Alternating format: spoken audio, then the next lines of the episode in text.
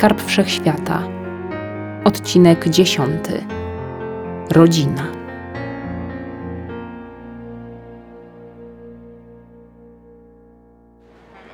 Rozumiem. Spoko, Luz. Nie ma sprawy. E, kiedy będziesz? Właściwie dopiero co wysiadłam z samolotu. Przepraszam, że tak rano. Mogę być za jakieś y, 40 minut? Chyba, że zmieniłaś. Adres ten sam. Dzięki wielkie, do zobaczenia. Nie ma za co. Chwilunia i się widzimy. Bye. Gloria odwiesiła słuchawkę w budce telefonicznej starego typu, bez możliwości połączeń wideo. Ale nie musiała widzieć Amelii, by wiedzieć, że jej przyjaciółka się nie zmieniła. Poznały się dawno temu, lecz częstsze kontakty uniemożliwiły im ciągłe przeprowadzki Glorii związane z pracą jej matki.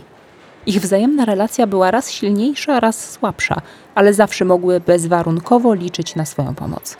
A panna Schneider potrzebowała teraz pomocy. Ze swoimi 500 tysiącami mieszkańców przy wliczeniu osad, dystrykt 17 nie należał do największych na kuli ziemskiej. Był demokratyczny i średnio zamożny. Oczywiście nie można go było porównywać do wielkiego i wspaniałego dystryktu Zero, najbogatszego i najpotężniejszego ze wszystkich, szczycącego się niemal zerowym bezrobociem i najwyższym wskaźnikiem liczby skydroperów przypadających na 100 mieszkańców, ale nie można było jednocześnie nie dostrzec, że obywatele D17 żyli, jeśli nie super dostatnio, to na pewno na równym i przyzwoitym poziomie, także poza samą stolicą. Osada 4917 była typowo rolnicza, otoczona zewsząd polami uprawnymi, pastwiskami dla bydła, sadami i ogrodami. Ludzie mieszkali tu w większości w wielorodzinnych domach o kilku piętrach, z dużymi tarasami wybudowanymi tak, by chwytały zawsze jak najwięcej słońca, ponieważ tutejszy klimat nie należał do najgorętszych.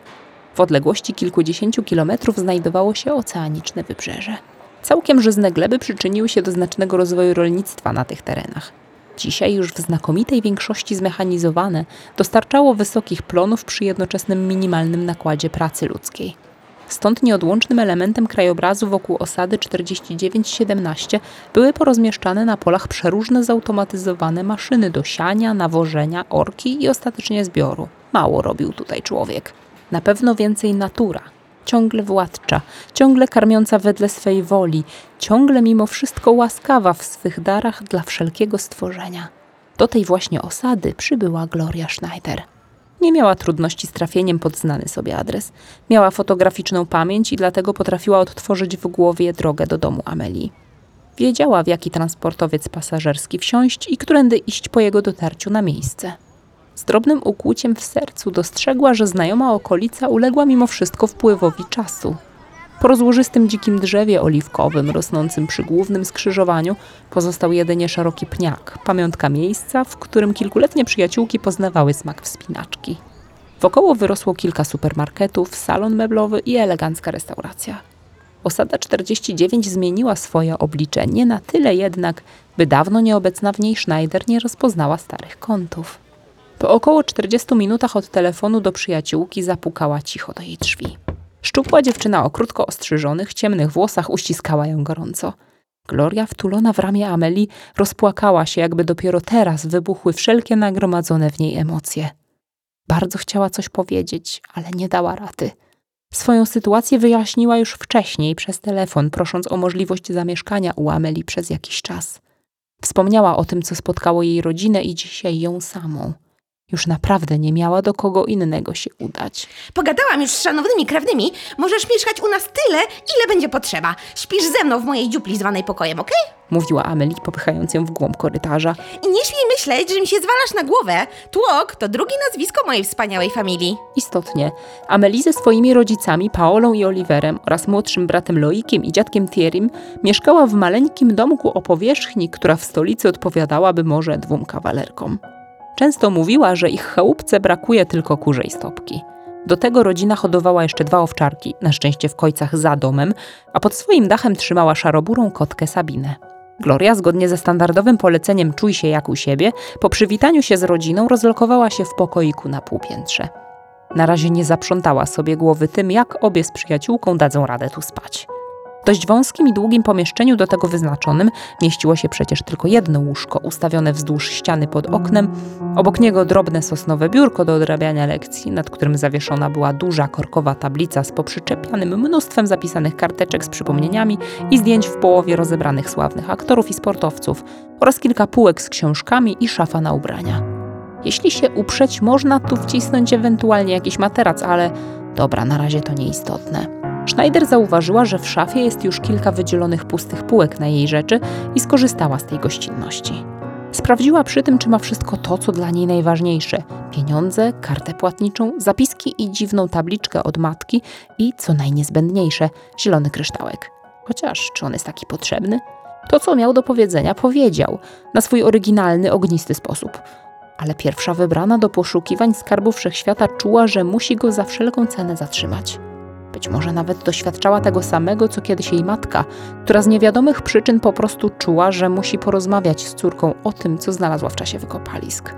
Bo czasami nie wystarcza sam racjonalny rozum, a zaczyna liczyć się właśnie przeczucie. Potrzebujesz czegoś, panno S? W drzwiach stanęła Emily. Mogłabym skorzystać z telefonu? A co z komóreczką? Musiałam się jej pozbyć. A, rozumiem. Nie, spoko, telefon dynda sobie w korytarzu na dole. Zanim Gloria wyszła, obejrzała się jeszcze przez ramię i zagadnęła: Mogę o coś prosić? Śmiało. Byłabym szczerze wdzięczna, gdybyś nikogo, ale to nikogo nie informowała o niczym, co ma ze mną związek. Dotyczy to wszystkich, znajomych i nieznajomych. Muszę być nadzwyczaj ostrożna. Spoko, w- w porządku. Jak nic to nic, ani słóweczka. Dzięki. Gloria zeszła na dół. Chciała jednak zadzwonić do Laury Meyer. Musi być ostrożna, ale nie może przez to skazywać na stres przyjaciół, którzy w ogóle nie będą wiedzieć, co z nią się dzieje, jeśli nie da od czasu do czasu przynajmniej znaku, że żyje. Laura? Glorio, to ty? Jejku, jak dobrze, że dzwonisz. Co się stało? W ogóle nie odbierasz telefonu. Myślałam, że umrę na zawał. Spokojnie, wszystko okej. Pozbyłam się tylko komórki. Sprawy się trochę skomplikowały i tyle. Jak to skomplikowały? Glorio, co ty wyprawiasz? Nieważne. Mam zadanie do wykonania. Tak, maleńkie zadanie. Przeżyć i odnaleźć skarb wszechświata. Przemknęło jej przez myśl, gdy wypowiadała te słowa. Jakie znowu zadanie? Nie mogę powiedzieć. Widzisz, ja w ogóle prawie nic nie mogę powiedzieć. Ale nie martw się o mnie. Po prostu nie chcę zostawiać za sobą śladów. Dlatego to ja będę teraz dzwonić, kiedy tylko dam radę. Dzisiaj do mnie strzelano. Jeśli pewnego dnia przestanę się odzywać, to będziesz wiedzieć, że nie żyję. Glorio, nie mów tak. Z tym trzeba coś zrobić. Dzwoń na policję. Gdzie jesteś? Nie szukajcie mnie, proszę. Do usłyszenia. Szybko odłożyła słuchawkę, żeby przyjaciółka nie zadawała kolejnych pytań, na które odpowiedzi nie mogły zostać udzielone. Wgapiała się przez chwilę w pustą ścianę obok telefonu. Padła w pewien błogostan, który można by określić jako tymczasowe zawieszenie myślenia. Jej umysł tak bardzo potrzebował spokoju i odpoczynku, że sam się wyłączył. Nie na długo. Z pobliskiego pokoju dobiegała rosnąca wrzawa. Gloria postanowiła tam zajrzeć. Delikatnie trąciła drzwi, które mimo to otworzyły się zbyt szeroko i zmusiły ją do wejścia do środka. Stanęła początkowo tuż przy nich pod ścianą. Rodzina Bremont zgromadziła się przed telewizorem. Schneider dostrzegła znajomy kanał. Oni też oglądali najświeższe wiadomości z wyspy Asper i rebelii w dystrykcie 77. W fotelu po prawej stronie zasiadł dziadek Thierry, gruby i siwobrody pan o ciemnej karnacji i zupełnie łysej czaszce, której potylica była wyraziście zarysowana w kształt regularnego znaku zapytania. Rozparł się wygodnie i z miną znawcy komentował wyświetlane w telewizji wydarzenia. A to taka młotka i ją do walki ciągnie. Mogła do wojska iść, a nie tak. Dziadku, ona walczy z tym wojskiem, bo stamtąd uciekła. Wtrącił się mały Loik leżący na podłodze na brzuchu i rysujący coś kolorowymi kredkami na dużej karcie papieru. Wystarczyło się trochę wychylić. Gloria zobaczyła, że rysował wysoką postać uderzająco podobną do dziewczyny z kosą. A to ja ci dam, ty mały smarkaczu, dyskutować z dziadkiem. Oburzył się starszy pan, a Oliver, ojciec chłopca, dodał: bo pójdziesz do swojego pokoju. Ale ja nic nie zrobiłem. Zasmucił się malec, ale tylko na moment, bowiem wrócił spokojnie do rysowania. Chyba zbyt długo znał swoich rodziców, by przejmować się tego typu groźbami. Tapnij sobie, Glorio. Ameli wskazała wolne krzesło po lewej stronie telewizora, gdy zauważyła swoją przyjaciółkę ukrywającą się w cieniu. Zaproszona zajęła miejsce, ale w dalszym ciągu nie odezwała się. Swoje zdanie na temat poruszany w rodzinnej dyskusji już miała. Chciała teraz posłuchać, czy świat zwyczajnych, szarych ludzi z demokratycznych dystryktów ogarnia w ogóle problemy reszty mieszkańców Ziemi i czy jest gotowy do działania. Ja to w sumie myślę, że dobrze, że ci tam walczą, bo to idzie o sprawiedliwość. Rzekła Paola, matka Amelii, drobna, szczupła i niepozorna kobietka o czarnych, przerzedzonych włosach, upiętych wysoko na głowie, siedząca z mężem na kanapie pod ścianą, zależącym loikiem. A to pewnie. Przytaknął dziadek Thierry, a do Glorii dotarło, że on każdą swoją wypowiedź rozpoczyna od a to, jakby chciał dodać tym sobie posłuchu czy wrażenia, że zna się na rzeczy. Musiało to zapewne przynosić skutek niejednokrotnie wręcz odwrotny do zamierzonego. Ktoś w końcu musi pokazać tej okrutnej władzy, że równość się liczy, braterstwo wszystkich ludzi, a nie terror. To nasz ustrój. Demokracja jedynie przynosi szczęście. A to pół świata po tych wojnach zabrnęło w bagno totalitaryzmu. Za moich czasów... Nikt nie chce tego słuchać, W tato. tej samej chwili zareagował syn staruszka, Oliver. Oni tak zawsze. Amelie nachyliła się do Glorii. Przed telewizorem wzdychają do każdej mrówki tego świata, a kończy się to wraz z wyłączeniem tego pudła. Gloria usiadła tak, że brodę oparła na zaciśniętej pięści i zmrużyła oczy. Pewnie tak jest wszędzie, nie ma na co liczyć. Telewizja pokazywała jeszcze fragmenty relacji z demonstracji obywateli dystryktu 77, która nie mogła zakończyć się inaczej, jak tylko kolejną krwawą jatką w postaci potyczki z policją nasłaną na występujących w słusznej sprawie ludzi. Jest coraz więcej skutków i ofiar ostatniego wypadu dziewczyny z kosą do dystryktu. Szerzy się chaos, rabunki, dezercje i ucieczki do Seterii, która zaczyna formować zorganizowany ruch oporu. Specjalistom coraz bardziej prawdopodobny wydaje się wybuch wojny domowej w D77. Dobrze, że walczą. Cicho szepnęła Paola.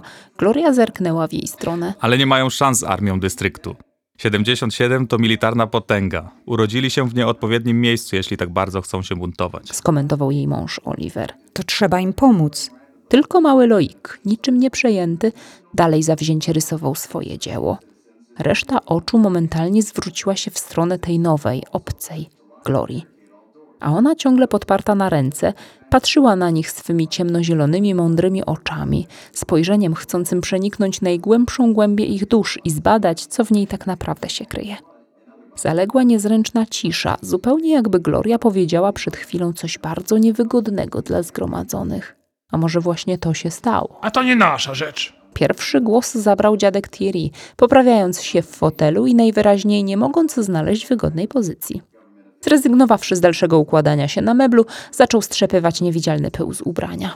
A czyja? Panna Schneider zadała naiwne pytanie dziecka, które chce dowiedzieć się o czymś, co wydaje mu się proste, tylko nie wiadomo z jakiego powodu sztucznie komplikowane przez dorosłych. A to buntowników. Którzy potrzebują wsparcia. Walczą przecież także w naszym imieniu, w imię demokracji. Uderzyli w jądro terroru, ale to nie wystarczy, żeby system się rozpadł. A to rzecz władz. Można je przycisnąć. Możemy zachęcić naszych polityków do wsparcia walki w słusznej sprawie. Dość już było światowych wojen. Oliver Bremont, siwiejący mężczyzna w kraciastej koszuli, wysunął najpoważniejszy argument. Rozumiem to. One wprowadziły na ziemi bałagan, podziały i wzajemną nienawiść. Ale dzisiaj pojawiła się szansa na wykonanie pierwszego kroku w kierunku naprawy tego niewłaściwego porządku. Tylko trzeba się ruszyć. Nie mówię wcale o następnej wojnie. Istnieją na pewno inne drogi. Młoda jesteś. Machnął ręką ojciec Amelii. I widzę, że tylko młode osoby działają. Wskazała spokojnie ręką na ekran telewizora, a potem na rysunek Loika. Zaczynała się powoli w środku gotować ze złości, ale wiedziała, że nie warto się kłócić, zwłaszcza z mieszkańcami domu, w którym szczęśliwie znalazła zakwaterowanie w trudnym dla siebie czasie. Poza tym miała w sobie to coś, co pozwala wznieść się ponad takie przyziemne sfary i nie wdawać się w niepotrzebne konflikty. Mądrość. Amelie miała trochę przestraszoną minę. Nikt jednak nie wybuchnął. W telewizji pojawiło się coś znacznie ciekawszego niż ewentualna kłótnia. Podano potwierdzoną informację, iż jutro, 4 lipca, rozpocznie się oficjalny Kongres Demokratycznych Dystryktów, który ma zająć się problemem rebelii w Dystrykcie 77 i wypracować wspólne stanowisko demokratycznej części świata w tej sprawie. Tak, niech ktoś w końcu zrobi to, co należy. Pomyślała Gloria, oddychając z ulgą i opierając się wygodnie na krześle. Ta dziewczyna na to zasługuje. Zaskoczyło ją, że pomyślała o dziewczynie z kosą. Ale prawda była taka, że w tym czasie nie dało się myśleć o nikim innym. Ta postać fascynowała pół świata, łącznie z Glorią Schneider. W jej oczach była to bojowniczka o prawa człowieka, o wolność wszystkich ludzi. Młoda, piękna i odważna, stojąca na czele legionu wywołującego wojnę z totalitarną wojskową potęgą. Nadnaturalna istota władająca dziwną, nową, niebezpieczną bronią. Ale przecież jednocześnie zimna i bezwzględna, skoro bawi się z wrogiem aż do jego całkowitego wyniszczenia. Morderczyni w imię dobra powszechnego, wybierająca mniejsze zło. A może nie wybierająca niczego, ale ona wygra tę wojnę. Poprze ją pół świata i wygra. Tak, Gloria była całkowicie po stronie nieznanej sobie Liny Meron. I całkowicie nieświadoma dlaczego.